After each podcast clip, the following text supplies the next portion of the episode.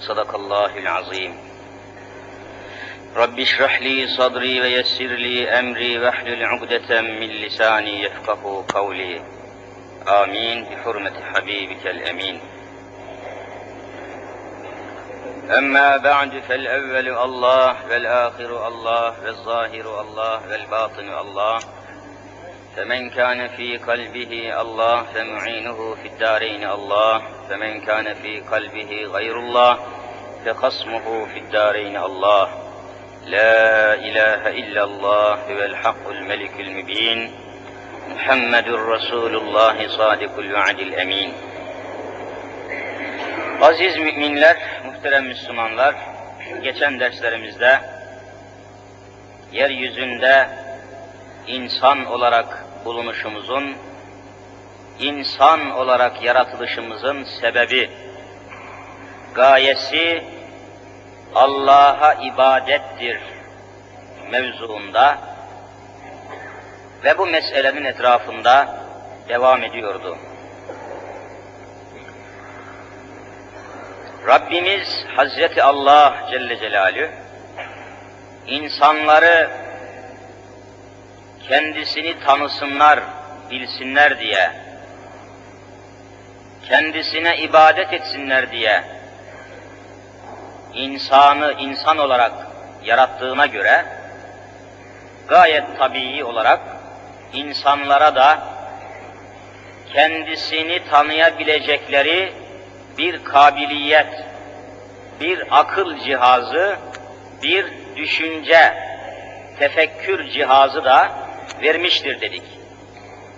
Zira Cenab-ı Hak kendi kanununu kendisi tatbik eder. La yükellifullahu nefsen illa vüs'aha. Allahu Teala hiçbir kimseye götüremeyeceği, hakkından gelemeyeceği bir vazifeyi yüklemez. Eğer insanlar Allahu Azimüşşan'ı tanıyacaklarsa, ona ibadet edeceklerse, Cenab-ı Hak bu vazifeyi yapacak kabiliyetleri ve imkanları insanlara vermiştir. Vermeseydi, akıl vermeseydi, onun arkasından da peygamber göndermeseydi, sonra da beni tanıyın, bana ibadet edin deseydi, bunun yolunu, bunun cihazını, bunun vasıtasını bildirmeden beni tanıyın, bana ibadet edin deseydi, insanlar mahşer günü Allah'a sataşırlardı. İşte bu münasebetle Rabbimiz Kur'an-ı Mübin'de Nisa sure-i şerifesinin 165 numaralı ayetinde bu hakikati şu şekilde haber veriyor. Rusulen mübeşşirine ve münzirine. Rabbimiz buyuruyor ki biz azimşan peygamberler gönderdik.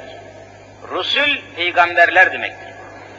Resul tek peygamber, Rusul çoğunluk halinde peygamberler gönderdik. İnsanlara akıl verdikten sonra bir de insanlara peygamber göndermiştir. Rusulen peygamberler gönderdik. Mübeşşirine ve münzirine bu peygamberlerin iki sıfatı var. Birisi Allah'ın rahmetiyle müjdeleyici olarak gelmişler ve bir de Allah'ın azabıyla korkutucu olarak gelmişler. Hem müjdeleyici Allah'ın rahmetini, merhametini, büyüklüğünü, cennetini, cemalini, lütfunu, ihsanını, ikramını haber vermek, bunları müjdelemek vazifesiyle ve bir de cehennemi, cezası, azabı, kahru, gazabı olduğunu söyleyerek korkutucu olarak gelmişler. E niçin? Bunu Kur'an beyan ediyor. لِأَلَّا يَكُونَ لِلنَّاسِ عَلَى اللّٰهِ حُجَّةٌ بَعْدَ الرُّسُلِ mahşer günü insanları hesaba çektiğim zaman ve onların cezalarını tayin ettiğim zaman Ya Rabbi sen peygamber göndermedin, bir şey göndermedin, biz sana nereden ibadet etmeyi bileydik deyip de Allah'a karşı küstahlık, Allah'a karşı baş kaldırma, Allah'a karşı itiraz, Allah'a karşı söz düellosu haşa, Allah'a karşı laf gevezeliği yapmasınlar diye peşinen peygamber gönderdik ki yolu takip etsinler. Bak li ella yekune olmasın linnas insanlara insanların alallahi Allah'a karşı hüccetün bir delilleri, bir itirazları olmasın ba'der rusuli peygamberlerden sonra. Bu neyi gösteriyor? Peygamber göndermeseydi bana ibadet edin demeyecekti. Mesela bu.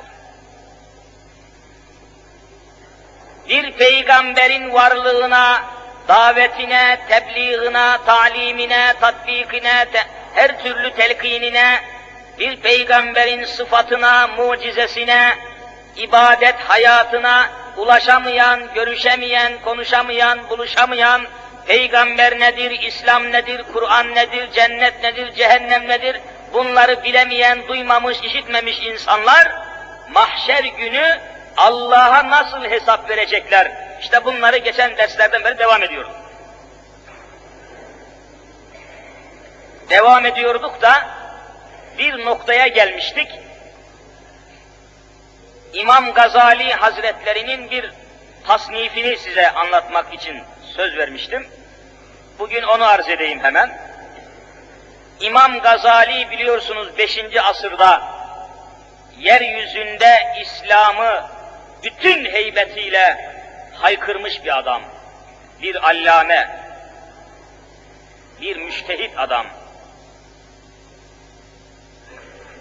Yazdığı eserler ve kitaplar hala bütün ihtişamını devam ettiriyor. Ve kesinlikle ifade edebiliriz ki bugün bugün Müslümanların çocuklarına nerede okutulursa okutulsun, oraya karışmıyorum. Müslümanların çocuklarına İmam Gazali Hazretlerinin Kimyayı Saadet adındaki kitabını bir sene okutsunlar, neslimizin şekli, ruhi yapısı, ahlaki yapısı tamamen değişmezse her şeyi kabul edeceğim. Bir sene. İmam Gazali. Fakat neslimiz bu kaynaklardan habersiz yetişmiştir diyoruz. Neslimiz, zürriyetlerimiz, çocuklarımız, yavrularımız, yuvalarımız, meskenlerimiz, mekteplerimiz bu İslami kaynaklardan mahrum yetişmiş midir, yetişmemiş midir? Yetişmiştir. Asıl kaynaktan istifade edemeyen noksan kalır, noksan kalır, noksan kalır. Mesela bu. İşte bu Gazali rahmetullahi teala aleyhil bari hazretleri peygamberin tebliğatına, bir peygamberin irşadına muhatap olmak bakımından insanları üçe ayırıyor. Üç sınıfa ayırıyor. Birincisi, hiçbir peygamberi işitmemiş, duymamış.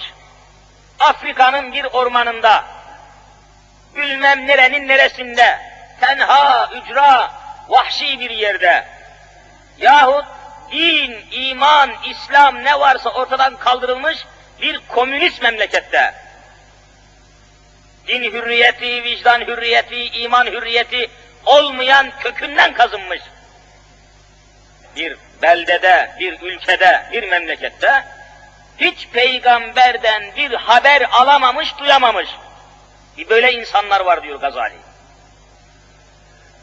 Bunların nasıl hesaba çekileceğini geçen derslerde anlattım. İkincisi, bir peygamberin, bahusus ahir zaman peygamberi Hazreti Muhammed Mustafa'nın aleyhissalatü vesselamın ismini duymuş, sıfatlarını duymuş, mucizelerini duymuş, işitmiş, öğrenmiş, görmüş, gözükmüş, tamam her şeyi biliyor. Fakat bile bile Allah ve Resulünü inkar ediyor. Kafir. Bunlar da belli zaten. Bunlar mülhit, dinsiz, inançsız, münkir insanlar. Böyle bir sınıf var. Bu sınıf biraz sonra açıklayacağım her yerde olabilir. İslami bir çevrede genellikle oluyor bunlar. Üçüncü zümre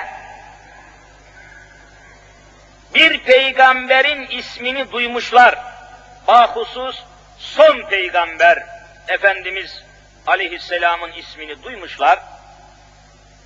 Fakat onun sıfatlarını, vazifelerini ve mucizelerini, peygamberliğini yanlış, yalan, iftiralarla, yanlışlıkla, yanlış ve yalan propagandalarla işitmişler. Bir Muhammed diye bir adam gelmiş ama efendim peygamber filan değil, yalancının tekiymiş diye duymuşlar. Böyle de işitenler var. Üçüncü zümre bunlar. Bugün Avrupa'nın ve Amerika'nın tamamı bu kanaatte. Avrupalı bir adama sorarsanız, ha evet Muhammed diye bir adam işittim ama yalancıymış yahu. Haşa, öyle söylüyor Avrupalılar. Victor Hugo'lar, bilmem efendim, buna benzer filozoflar, felsefeyle uğraşanlar, evet evet bir Muhammed var ama filozof, akıllı bir adam. Yahut efendim şöyle zeki bir adam, kurnaz bir adammış. Arapları aldatmak için şöyle yapmış bile. Haşa. Bir de böyle işlemler var. Üçüncü zümre de bunlardır diyor Gazali. Peygamberi ismen işitmiş ama menfi, olumsuz, yanlış, yalan, iftiralarla işitmiş, perdelenmiş, gölgelenmiş, gerçeği öğrenememiş. İmam Gazali diyor ki burada, benim kanaatim diyor kitabında, benim kanaatim diyor, bu peygamberi böyle yanlış işiten, yanlış propagandalarla duymuş, işitmiş bulunan, efendim işte Arabistan'da bir Muhammed diye bir adam çıkmış, o sıcak zamanda onlara bir şeyler yapmış, bir şeyler etmiş, toplamış, şunu yapmış, şeklinde yanlış, iftiralı bir şekilde işitenler, işin hakikatini araştıramamışlardır. Zira bir şeyi menfi olarak işitmek, o şeye karşı insanın iştahını keser diyor Gazali. Mesela size deseler ki, sakın şu çeşmeden su içme. O çeşmeden akan su zehirlidir, mikropludur dese, sen o yaklaşıp çeşmene su içmesin. Mikropluymuş ya, hiç yaklaşmayayım şuna dersin diyor Gazali. Bu çeşmeden mikroplu su akıyormuş. Reklam etmişler ya, bu çeşmeden su içilmez, mikroplu, zehirli bir su dedilerse, hiçbiriniz yaklaşmazsınız diyor. E, menfi işittiniz ya, içersem zehirlenirim filan diye korkarsın, ya hiç, hiç yaklaşmaz, unutursun, oraya yaklaşma. Hristiyanlar vesair kişiler de Hazreti Muhammed'i böyle yanlış, böyle tehlikeli, böyle olumsuz, böyle menfi anlattıkları için milyonlarca Hristiyanların çocukları Hazreti Muhammed'e yaklaşamadılar, hiç araştırmadılar diyor. Hiç ilgilenmediler. E bunların hali ne olacak? Madem ki Arapların bir adamıymış, Arapların bir filozofuymuş, bize ne ya? Hiç araştırmaya ihtiyaç hissetmediler, hiç ilgilenmediler peygamberle. Bunların hesabı ne olacak mahşerde?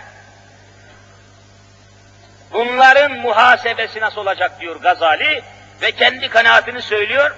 Sanki peygamberi işitmemiş gibi, hiç duymamış gibi olacakları kanaatindeyim. Allah onları da o birinci sınıfın içine sokacak, öyle muhasebe edecek diyor. Gazali'nin kanaati.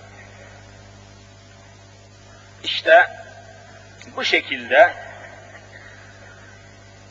şimdi bu tabi bize çok ters geliyor. Şimdi sana veya bana sorsalar Lenin kimdir? Stalin kimdir? Biz tabii kendi çevremizde, kendi muhitimizde, kendi arkadaşlarımızdan, kendi hocalarımızdan, kendi muhitimizden öğrendik, okuduk, anladık. Lenin veya Stalin bir komünisttir. Allah'a inanmayan bir Allahsızdır. Ahirete inanmaz, Allah'a inanmaz. Böyle ahlaki değerlere inanmaz. İnandıkları tek şey maddedir, maddeden hasıl olmuştur, materyalist felsefeden doğar, her şey ekonomidir, iktisattır falan. Yalancının tekidir, Lenin katildir, vahşidir, milyonlarca insanın kanına girmiş bir canavardır. Bak ben böyle tanıyorum. Ama gidin de şu her gün şu kadar, şu kadar, şu kadar yakalandı, yakalanıyor silahlı, bombalı, külahlı içeriye toplanan o solcu, komünist gençlere sorun, Lenin bir peygamberdir diyorlar. Ya onlar da böyle tanıyor. Onlara da filozoflar, profesörler böyle anlatmış. Memleketi, milleti bu ekonomik çıkmazı, darboğazı, bu felaketlerden ancak Lenin, Stalin kurtarabilir diyor. Leninist, Stalinist felsefeler var. Onlar da böyle öğrenmiş. Hücrede konuştum. Benim kanaatime göre diyor, Lenin bir peygamberdir beyefendi diyor bana. Öyle inanmış efendim. Üniversitede böyle anlatmışlar Marksist profesörler. Marksist profesör. Yani Karl Marx bir peygamberdir beyefendi diyor bana. Muhammed diyor orta çağda gelmiş diyor Araplara bir şeyler vermiş geçmiş gitmiş. Muhammed kimdir diyor haşa. Hücrede o bir takım örgütlere üye olan gençler böyle söylüyor bana. Hepsiyle konuştum. Böyle öğretmişler, böyle okutmuşlar. Hayatta bir hocayla görüşmemiş adam. Hiçbir hoca, hiçbir Allah diyen bir adama karşılaşmamış. Vallahi diyorum hücrede böyle nefes nefes alamıyorsunuz sıkıntılı bir yerde bilmem ne örgütüne, sol bir örgüte mensup bir üniversiteden kaçmış birisi hoca diyor sen şuraya otur da diyor sana Allah'ın olmadığını ispat edeyim diyor bana. Aynen ya, üniversiteden çıkmış bu adam yani. İçinden hepsiyle görüştüm.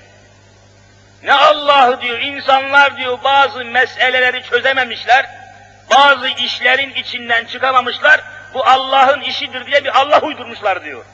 Ne Allah, öyle bir şey yok diyor bana, ben sana anlatayım bana diyor. Düşünebiliyor musun?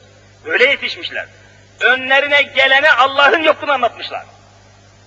Üniversitede böyle yetişmişler diyorum size. E bizim cemaatin neden ne haberi var? Bizim cemaatin neden ne haberi var? Nesil ne hale gelmiş, nereden çıkmış, nereden ne olmuş, ne haberimiz var? Memleket nereye gidiyormuş, hangi noktadaymış, ne haberimiz var? Evet. İşte bunlar böyle yetişmiş. E bunların mahşerde hesabı ne olacak? İşte Gazali bir açıklık getiriyor. Peygamberin ismini işitmiş ama tersine işitmiş, olumsuz işitmiş, menfi işitmiş ve onu böyle yanlış, yalan iftiralarla işitmiş. Bunların da hesabı mahşer günü nasıl olacaktır mevzuunda birinci sınıfa sokuyor. Hiç duymamış insanlar gibi. Peygamberi duymuşlar ama zıddıyla işitmişler. Zıddıyla, tersiyle işitmişler. Evet. İşte aziz müminler,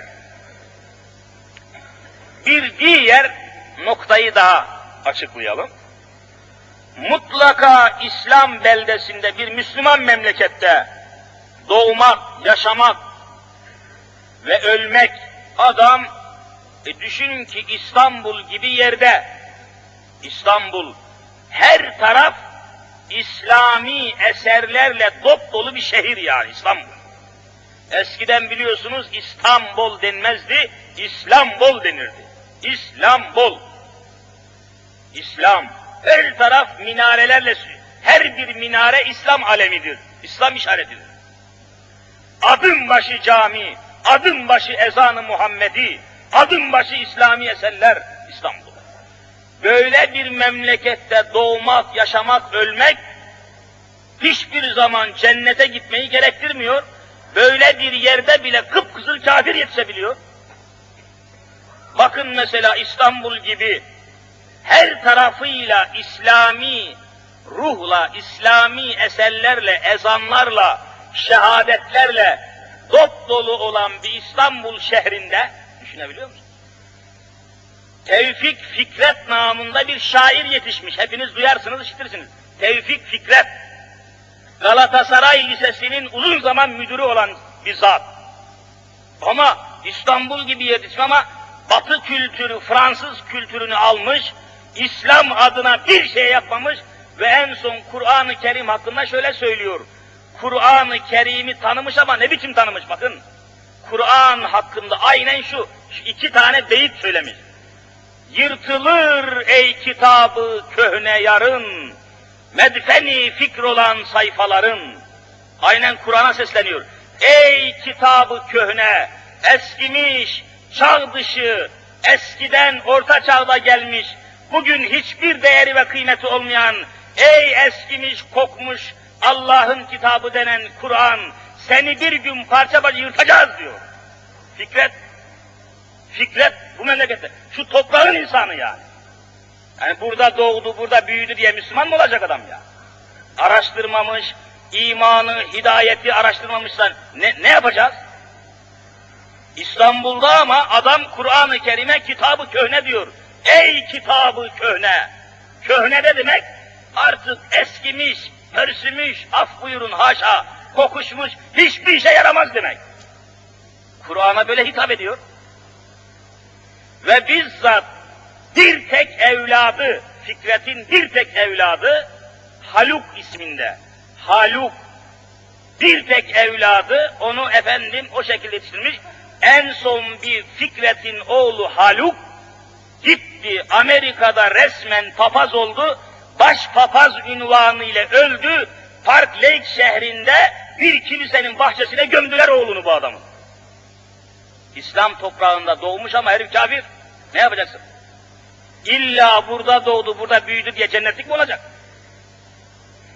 Uzaklara gitmeye hiç hacet yok. Mekke-i Mükerreme'de doğmuş. Hazreti Muhammed Mustafa aleyhissalatu vesselam gibi bir kainatın efendisinin alemlere mucizeler göstermiş bir peygamberin burnunun dibinde yetişmiş bulunan öz amcası Ebu Leheb bile kıpkızıl kafir olarak Kur'an'da isim geçiyor. Burnunun dibinde öz amcası Ebu Leheb, Ebu Cehil. Hidayet nasip olmuyor. Hidayet Allah'tandır. İradesini sarf edecek adam ona. Hepiniz biliyorsunuz. Ebu Cehil ile Hazreti Habibullah ne kadar mücadele etmiştir. Aşiret sahibiydi, zengindi, ileri gelen bir adamdı, zeki bir adamdı, korkunç bir adamdı, kurnaz bir adamdı, yüzlerce insanı etkileyici bir adamdı. Efendimiz çok uğraştı ama İslam olmadı. Mekke'de doğması neyi değiştirir ki yani? İslam'ın çıktığı Mekke'de doğmuş ama herif kafir. Araştırmıyor, incelemiyor, işin hakikatine gelmiyorsa peygamber ne yapsın o adama? Düşünün ki bir gün Ebu Cehil'i böyle güneşin grubuna doğru caddede Resul-i Zişan aleyhissalatü vesselam ile Ebu Cehil karşı karşıya geldiler. Hepiniz biliyorsunuz. Karşıdan Ebu Cehil geliyordu. Bu taraftan da Ebu Cehil'e doğru Hazreti Muhammed Mustafa gidiyordu. Aleyhissalatü vesselam. Karşı karşıya böyle. iki avuç içi gibi. Karşıdan Peygamber Zişan'ı görünce Ebu Cehil hemen yere eğildi. Sağ eliyle, avucuyla yerden bir avuç taş, toprak, çakıl makıl topladı, avucunu sıktı böyle.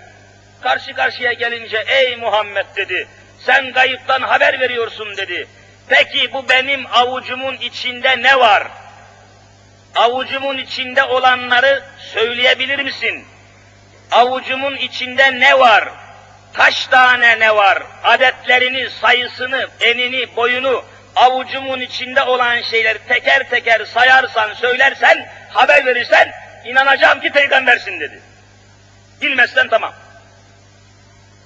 Karşı karşıyalar ya, arşın altına bir tablo bu.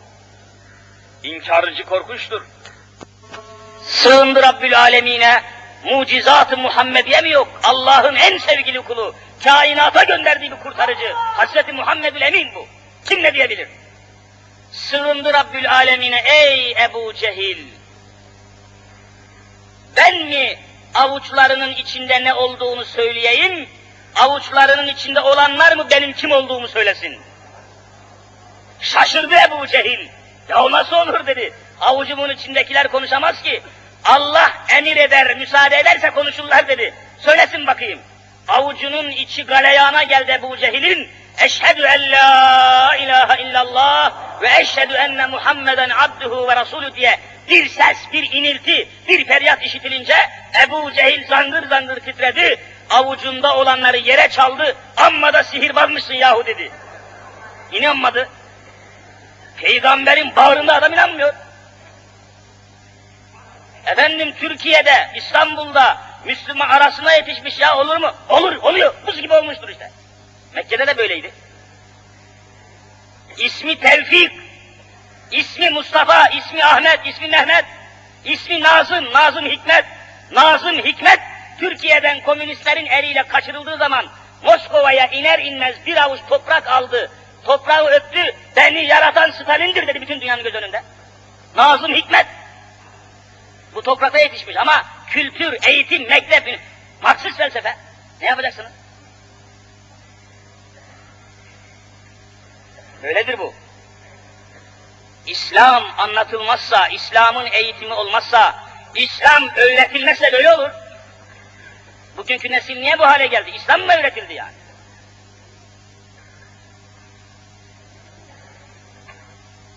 Bunun tersi de olabilir. Tersi. Düşünün, Firavun gibi bir kafiri düşünün, Firavun. Mısır'da insanlara hükmetmiş, zalim mi zalim, kafir mi kafir, bir Firavun. Hepiniz biliyorsunuz. Kur'an çok duruyor üzerine, onun için söylüyoruz. Zaman zaman ahaliyi, tebaayı, milleti toplamış karşısına da hel min ilahin gayri, ey ahali, benden başka Allah var mı demiş. Kur'an-ı Kerim haber veriyor. Hel min ilahin min gayri. Benden başka Allah var mı ya?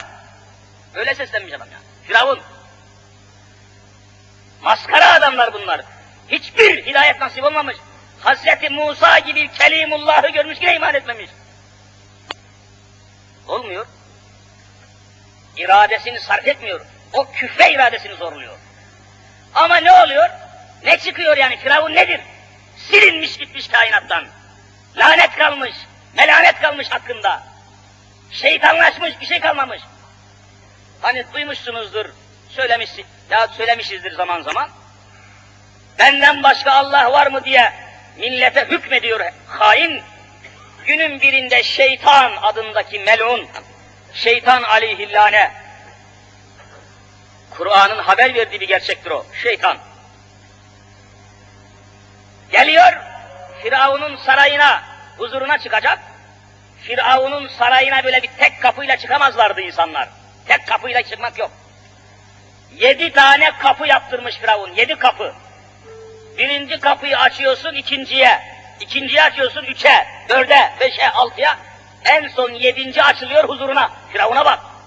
Yedi kapı. Yedi kat kapıda geçeceksin. Birdenbire küt diye düşmeyesin hani. Haşa Allah'ım dedi ya herif. Şeytan tabii onun kalıbı kılıfı yok, her kılıfa giriyor. Nöbetçiyi, zabıtayı filan tanımıyor şeytan kim? Şeytan engelleyebilir. Süzülüp geliyor içeriye. Nerede? Ve içeriden sesleniyor Firavun. Kimsin, kimdir o? O kim? Filan deyince şeytan basıyor kahkahayı. Hey diyor ahmak Firavun. Hem benden başka Allah var mıdır diye millete diyor nutuk atıyorsun. Hem de kapıyı çalanın kim olduğunu soruyorsun diyor. Ne serserisin sen yahu diyor. Firavun. İnsan hiç tanrı olur mu? İnsan hiç ilah olur mu ya? Hem ben sizin en büyük Allah'ınızım dedin diyor, hem de kapıyı çalanın kim o diye ismini soruyorsun. Allah'tan bil ya bunları diyor. Ne Allah'ı? Tabi işi anlıyor. Diyor ki Firavun, yahu şeytan diyor fazla kurcalama. Ağzımızdan bir kere çıktı diyor, bizden Allah mallah olmaz diyor. Biz ne? Bir kere söyledik diyor, fazla kurcalama diyor. İşi idare et. Haysiyetsiz herifler bunlar. İşte aziz müminler, ama buna mukabil öyle bir Firavun'un sarayında Sara adındaki hatun Müslümandı. Firavun'un öz karısı, nikahlısı Hazreti Sara cennete ilk girecek kadınların başında geliyor. Sara hatun. Firavun gibi bir kafirin sarayında İslam nasip olmuş ona. Ama İstanbul gibi İslam'ın alametleriyle dolu şehirde adama İslam nasip olmuyor. Yani mekanla kayıtlı değil İslam demek istiyoruz. Gönülle, kalple, ruhla kayıtlı. Türkiye'de doğmak, Türkiye'de yaşamak Müslüman olmayı gerektirmez ki. Mekke'de doğmak, Mekke'de büyümek, Mekke'de yaşamak İslam olmayı gerektirmez. Bakın Ebu Cehil, Ebu Leheb, Ebu Talip çeşitli sebepler var. Evet, bu noktayı da izah ettikten sonra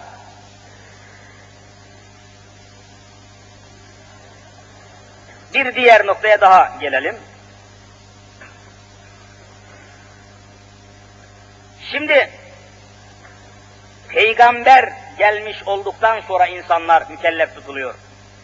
Eğer öyle olmasaydı insanlar hayasızlık edecekler ve Allah'a çeşit çeşit mazeretler, Allah'a çeşit çeşit sözlerle mukabele etmek imkanı bulacaklardı. Tabi ona lüzum kalmasın diye Cenab-ı Hak peygamber gönderiyor, kitap gönderiyor, sonra mükellef tutuyor. Allah adildir. Bakınız mesela bu konuda da bir ayet arz edeyim. Taha suresinin 110, 134 numaralı ayet-i kerimesinde aynen şöyle bir haber var. Rabbimiz Hazreti Allah Celle Celaluhu buyuruyor ki velev enna ehleknahum bi azabin min kablihi. Eğer Kur'an göndermeden kitap göndermeden, peygamber göndermeden biz insanları helak etseydik, peygamber filan gelmeden, bir peygamberin tebliğatı yapılmadan, bir memleketi, bir milleti azap etseydik, helak etseydik, lekalu, lamı cevabiye geliyor, bu levin cevabı lamdır. Lekalu, şöyle diyeceklerdi bu adamlar. Rabbena, ey Rabbimiz, levla erselte ileyna rasulen, bize önce bir peygamber gönderseydin ya, diyeceklerdi. Bize peygamber göndermeden, bize İslam'ı anlatmadan, bize bu işleri söylemeden bizi niye helak ediyorsun diye Allah'a kafa tutacaklardı. Onun için peygamber göndermiş. E ne olur?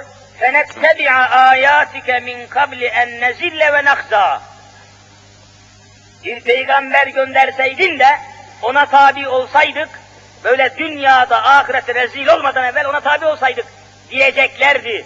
Bunu Cenab-ı Hak bildiği için evvela peygamber gönderdi, sonra azap etti. Mahşerde böyle olacak. Düşünün ki mesela Hazreti Nuh Aleyhisselam'ı biliyorsunuz. Nuh Aleyhisselam. Ne uhe Nuh Aleyhisselam büyük peygamber. Fakat şiddetli, asabi bir peygamber. Asabi, nasıl asabi olmasın kardeşim? 950 sene peygamberlik yapmış. Hazreti Nuh, Kur'an'la sabit. Tam 950 sene peygamberlik yapıyor. O zamanın insanları böyle uzun ömürlü idi. Bunun henüz biyolojik veya buna benzer jeolojik araştırmalar yapılmış değil. İlim adamların inkar etmesine gücü yok. 950 sene peygamberlik yaptı, yaptı, yaptı. En son kendisine inananların sayısı kaç kişi biliyor musun? İki rivayet var. Birisi 16 kişi. Birisi de 75 kişi. 950 senede. Hiç iman etmemişler. Ne kötü, ne katı milletler geçmiş tarihten. Sonra biliyorsunuz bunca zaman tebliğ, tebliğ, tebliğ, irşat, her şey anlatılmış. Sonunda inanmayınca bu kabileler, bu kavimler, milletler Allah'ın azabını haber vermiş Nuh Aleyhisselam. Allah azap edecek, gökten sular boşalacak, yerden sular fışkıracak, bütün alemi su ve sel kaplayacak demiş. Ama buna da kimse inanmamış.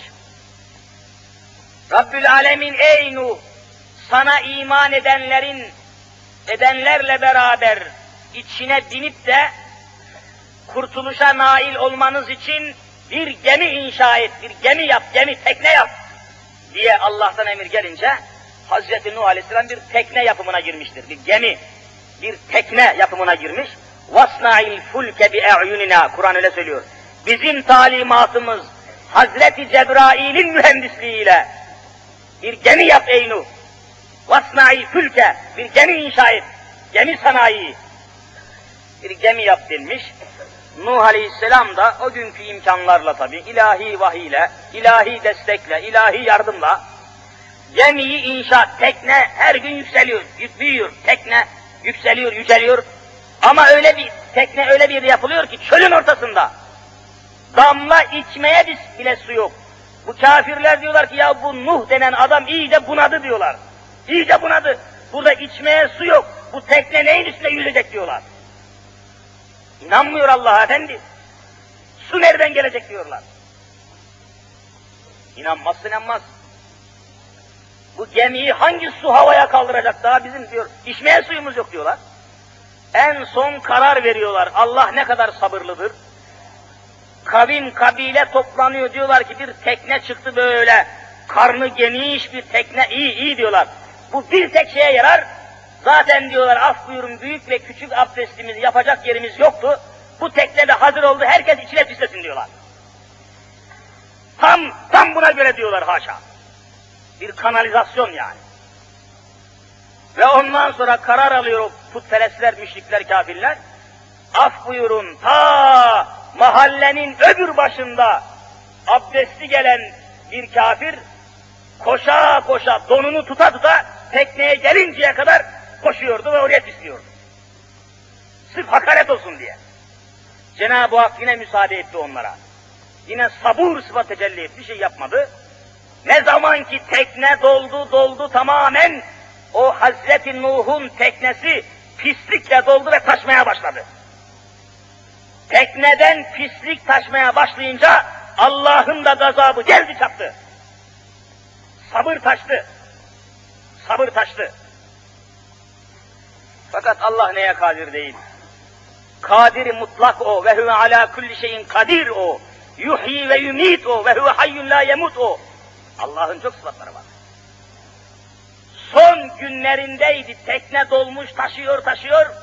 Yaşlı, uyuz, belalı Cenab-ı Hak o kavme bir hastalık verdi. Bir cilt hastalığı, cilt. Emraz-ı cildiye, cilt hastalığı verdi. Hiçbir çaresi yok. Küçükten o tekneye kim pislemişse hepsi böyle tırnaklarıyla vücutların etlerini kazıyorlardı böyle. Kaşınma, uyuz hastalığı. Tırnaklarını kesmiyorlardı ki vücutlarını kazısınlar diye. Böyle vücutları kanlı, cerahatlı, irinli, pis, bütün kabile uyuz gibi. O gemiye pisleyenler. Allah'ın azabı geldi. Küçük bir azap. Ne yaptılarsa hiçbir çare, hiçbir derman, hiçbir derman bulamadılar. Ölen ölene, kırılan fakat ne hikmetse ölen de yok, kırılan da yok. Herkes çekiyor. Bir türlü ölüm de yok, olum da yok. Devam ettiler. Sonunda yaşlı, uyuzlu, böyle pis, etleri dökülen bir putperest geldi. Son bir fırsat, bir gayret etti. Af buyurun gemiye, tekneye çıktı. Tam pislerken içine ayakları kaydı, tekneye düştü. Çırpındı çırpındı, çıktı. Gemiden çıkar çıkmaz birdenbire ne kadar uyuzu, ne kadar yarası, irini pisi varsa iyileşti, sağlam oldu. Hemen etrafa haber verdi. Ya ne duruyorsunuz? Bizim ilacımız teknedeymiş dedi. Bizim dermanımız, bizim ilacımız, bizim macunumuz, bizim merhemimiz buradaymış. Koşun, koşun, koşun. Hepsi birden geldiler, kapış kapış tekneyi eskisinden daha temiz hale getirdiler. Allah onlara temizletti. Allah neye kadir değil. Bu misali genişletin, zamanımıza da uygulayın. O gemiyi pisleyenlere temizletti Hazreti Allah Celle Celaluhu. Şu ibrete bakın. Anlayın zamanı zemini. Allah neye kadir değil. Siz Müslüman olun korkmayın. İşi ilahi kudretle seyredin ve vazifenizi yapın. Müslüman olduğunuzun hikmetini arayın ve hangi vazifeyle vazifeli olduğunuzu anlayın. Karışmayın Allah'ın işine. Sen kendi vazifeni yap. Biz Müslümanlar vazifemizi yapıyor muyuz acaba? Bir dükkanımıza, bir eşyamıza, kapımızın önünde duran bir özel arabamıza gösterdiğimiz gayreti dinimize gösteriyor muyuz? Bir özel arabaya gösterilen gayret İslam'a gösterilmiyor bugün. İçindeyiz bu hadisenin. Bir çocuk gelse de özel arabanızın kaportasını şöyle bir çizse, kaportasını çiziyor, kırbatıyor. Hemen suçluyu arıyorsunuz, cezasını vermek istiyorsunuz, canınız sıkılıyor, üzülüyorsunuz. Ama öbür taraftan İslam'ın mukaddesatına, dine, imana her türlü hakaret oluyor, bu kadar üzülmüyorsunuz. Bak bir özel arabanıza gösterdiğiniz değeri göstermiyorsunuz diyorum size. Herkes senedinin sepetinin peşinde, herkes yani şu maliyeye, vergi dairesine vergi ödemek için koşuyor, kuyruklara aman ceza görmeyeyim, bütün çile çekiyor, koşuyor, iyi bir şey. Ama mahşer günü rezil olmayayım diye kimse bir adım atmıyor. Sen vazifeni yapmıyorsun Müslüman. Vazifeni yap. Allah'ın içine karışma. Seyret hadiseyi sen. Eğer Müslüman kendine düşeni yapsaydı zaten böyle olmayacak. Olmayacak. Böylece Nuh Aleyhisselam'ın gemisi tazelendi, temizlendi, daha sıhhatli bir hal aldı. Ve derken azabı ilahi geldi, göklerden sular boşandı. Yerlerden sular fışkırdı. Ayet-i kerime öyle haber veriyor. Ya sema'u akli'i ve ya ardubla'i ma'eki. Ey bulutlar yeter suyunuzu çekin. Ey arz yeter suyunu çek. Yeter. Emir geliyor. Bu hale geldi. Nihayet tufan başladı. Nuh Aleyhisselam'a iman edenler gemiye girdi. Bir, iki gemiye girdiler. Öz ve öz Hazreti Nuh'un oğlu, öz peygamberin dil, diricik oğlu gemiye girmedi. Hazreti Nuh yalvarıyor, ya buneyye, ey benim diricik oğlum, irkeb ma'ana, gel bizimle beraber bin şu gemiye, dünya batacak, gel şu gemiye bin. Hazreti Nuh yalvarıyor oğluna, ciğerparesi. Bunun üzerine döndü dedi ki, git dedi, sen bunamışsın, sen peygamber peygamber değilsin dedi. Evlat babasına söylüyor. Evlat babasına söylüyor. Aynı nesiller türemiş bugün. Geçen gördüğünüz gazetede, evladım gittiğin yol yol değildir, bu örgütten istifa et. Bu komünistlikle başının derde girecek, çık gitme, yapma şu işi. Şu örgütten ayrıl demiş annesiyle kardeşi birisine de çekmiş tabancayı annesine yedi kurşun sıkmış herif. Gördüğünüz gazetelerde yani. Bilmem ne örgütü, sol örgüt. Çekiyor tabancasını, evladım bu yol yol değil gitme diyen annesini ve kardeşini yedi kurşunla seriyor eve. İstanbul'da oldu burada. Bak aynı nesil görüyor musun? Aynı nesil. Yalvardıkça o reddediyor ve en sonunda diyor ki peki seni kim kurtaracak evladım? Şimdi tufan gelecek, sel gelecek, kıyamet kopacak. Seni kim kurtaracak deyince Seavi ila cebelin yasumuni. Şu karşıda koskoca bir dağ var görmüyor musun? Gözün kör mü diyor babasına. Ben o dağın tepesine çıkarım, dalga beni götüremez diyor. Şu kafirin mantığına bak. O dağları yaratan kim? Anlamıyor ki. Her şeyi kendi kendisine oldu zannediyor. Böyle söyler söylemez bir korkunç tufan, bir dalga geliyor, Nuh'un oğlunu gözünün önünde paramparça ediyor. Boğuyor orada. وَكَانَ مِنَ الْمُغْرَقِينَ Boğulanlardan oluyor. Hazreti Nuh ne de olsa bir baba tabi, peygamber ama baba, yüreği yanıyor, sızım sızım, yüreği yanıyor da, diyor ki, Ya Rabbi, o benim oğlumdu, hani benim oğlumu, uşağımı, benim diyor zürriyetimi böyle cezalandırmayacaktın. Hani demin dedik ya efendim Mekke'de doğan adam illa Mekke'de doğdu diye Müslüman olma kaydı yok ya. Mekke'de doğar Ebu Cehil olur. Hazreti Nuh'un oğlu olur kafir olur. Hani babası peygamber diye neyi değiştirdik efendiler? Ebu Leheb Hazreti Muhammed'in amcasıydı, öz amcası. Ama ayet geldi. Tebbet yeda ebi leheb ve teb. Arş-ı aladan ayet geliyor. Ey peygamberim senin amcanın elleri kurusun cehennemden çıkmasın. Ayet geldi. Amcası peygambermiş veya yeğeni peygambermiş. Ne çıkar bundan? Mümin olmak lazım. Hazreti Nuh'un oğlu da babası peygamber. Fakat kaç para eder?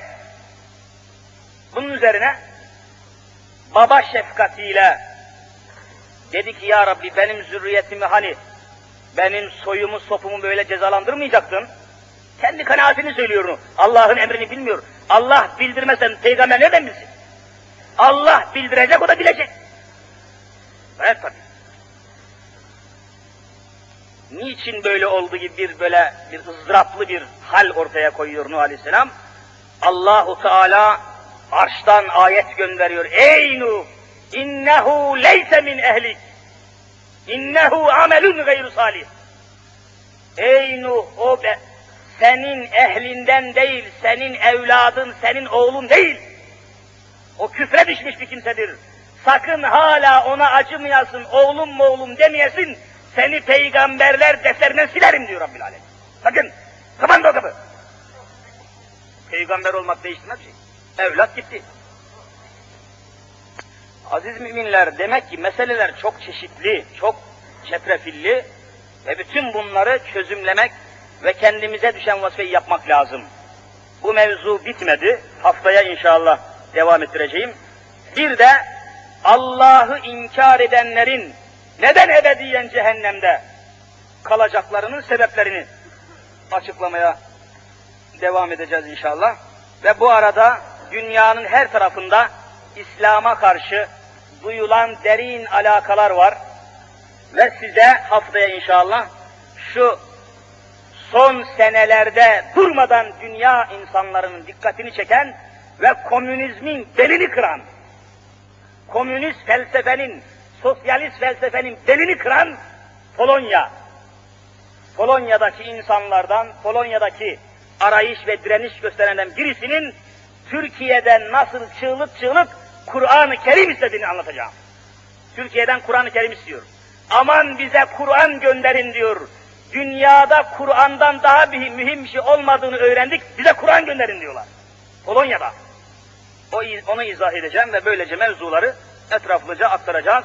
Rabbimiz cümlemize gayreti diniye nasip eylesin inşallah. Haftaya buluşmak niyetiyle inşallah. Bu arada aziz müminler, cumartesi günü Beşiktaş semtindeki Müslüman kardeşlerimiz ısrar ettiler ve orada cumartesi günü öğle namazından önce Sinan Paşa camisinde vaaz etmeye başladık. Zamanı, vakti, hali, günü yerinde olanlar duysun ve gelebilsin diye söylüyorum. Her cumartesi öğle namazından önce Beşiktaş'ta Sinan Paşa Camii'nde vaazımız devam ediyor. Haram nedir, helal nedir? Bu konuyu bir sene yürüteceğiz inşallah. Vakti olan kardeşlerimiz gelsinler, takip etsinler. Haftaya derse devam etmek niyetiyle Ya Rabbi günahlarımızı affeyle. Ya Rabbi kusurlarımızı mağfiret eyle. Ya Rabbi huzuruna çağırdın bizi kulluğuna kabul eyle. Nefis ve nesillerimizi ıslah eyle. Alemi İslam'a imdad eyle. İslam'ın kudretini ızhar eyle. İslam için çalışanları muvaffak eyle. Müslümanların aleyhine çalışanları kahru perişan eyle. Her nefesimize kelime-i şehadet ki aşk ile buyurun. Eşhedü en la ilahe illallah ve eşhedü enne Muhammeden abdühü ve rasulüh diyerek bu imanla, bu ikrarla, bu ihlasla cümlemizi cennetine kabul eyle. El açıp amin diyen mümin kardeşlerimi iki cihanda aziz eyle. Ya Rabbi dualarımızı makbul eyle. Namazlarımızı kabul eyle. Bizden, cemaatimizden, dua talebinde bulunan dil cümle kardeşlerimizin hastalarına şifalar nasip eyle. Dertli olanlarına devalar nasip eyle. Borcun altında kıvranan kardeşlerimize en yakın zamanda ifa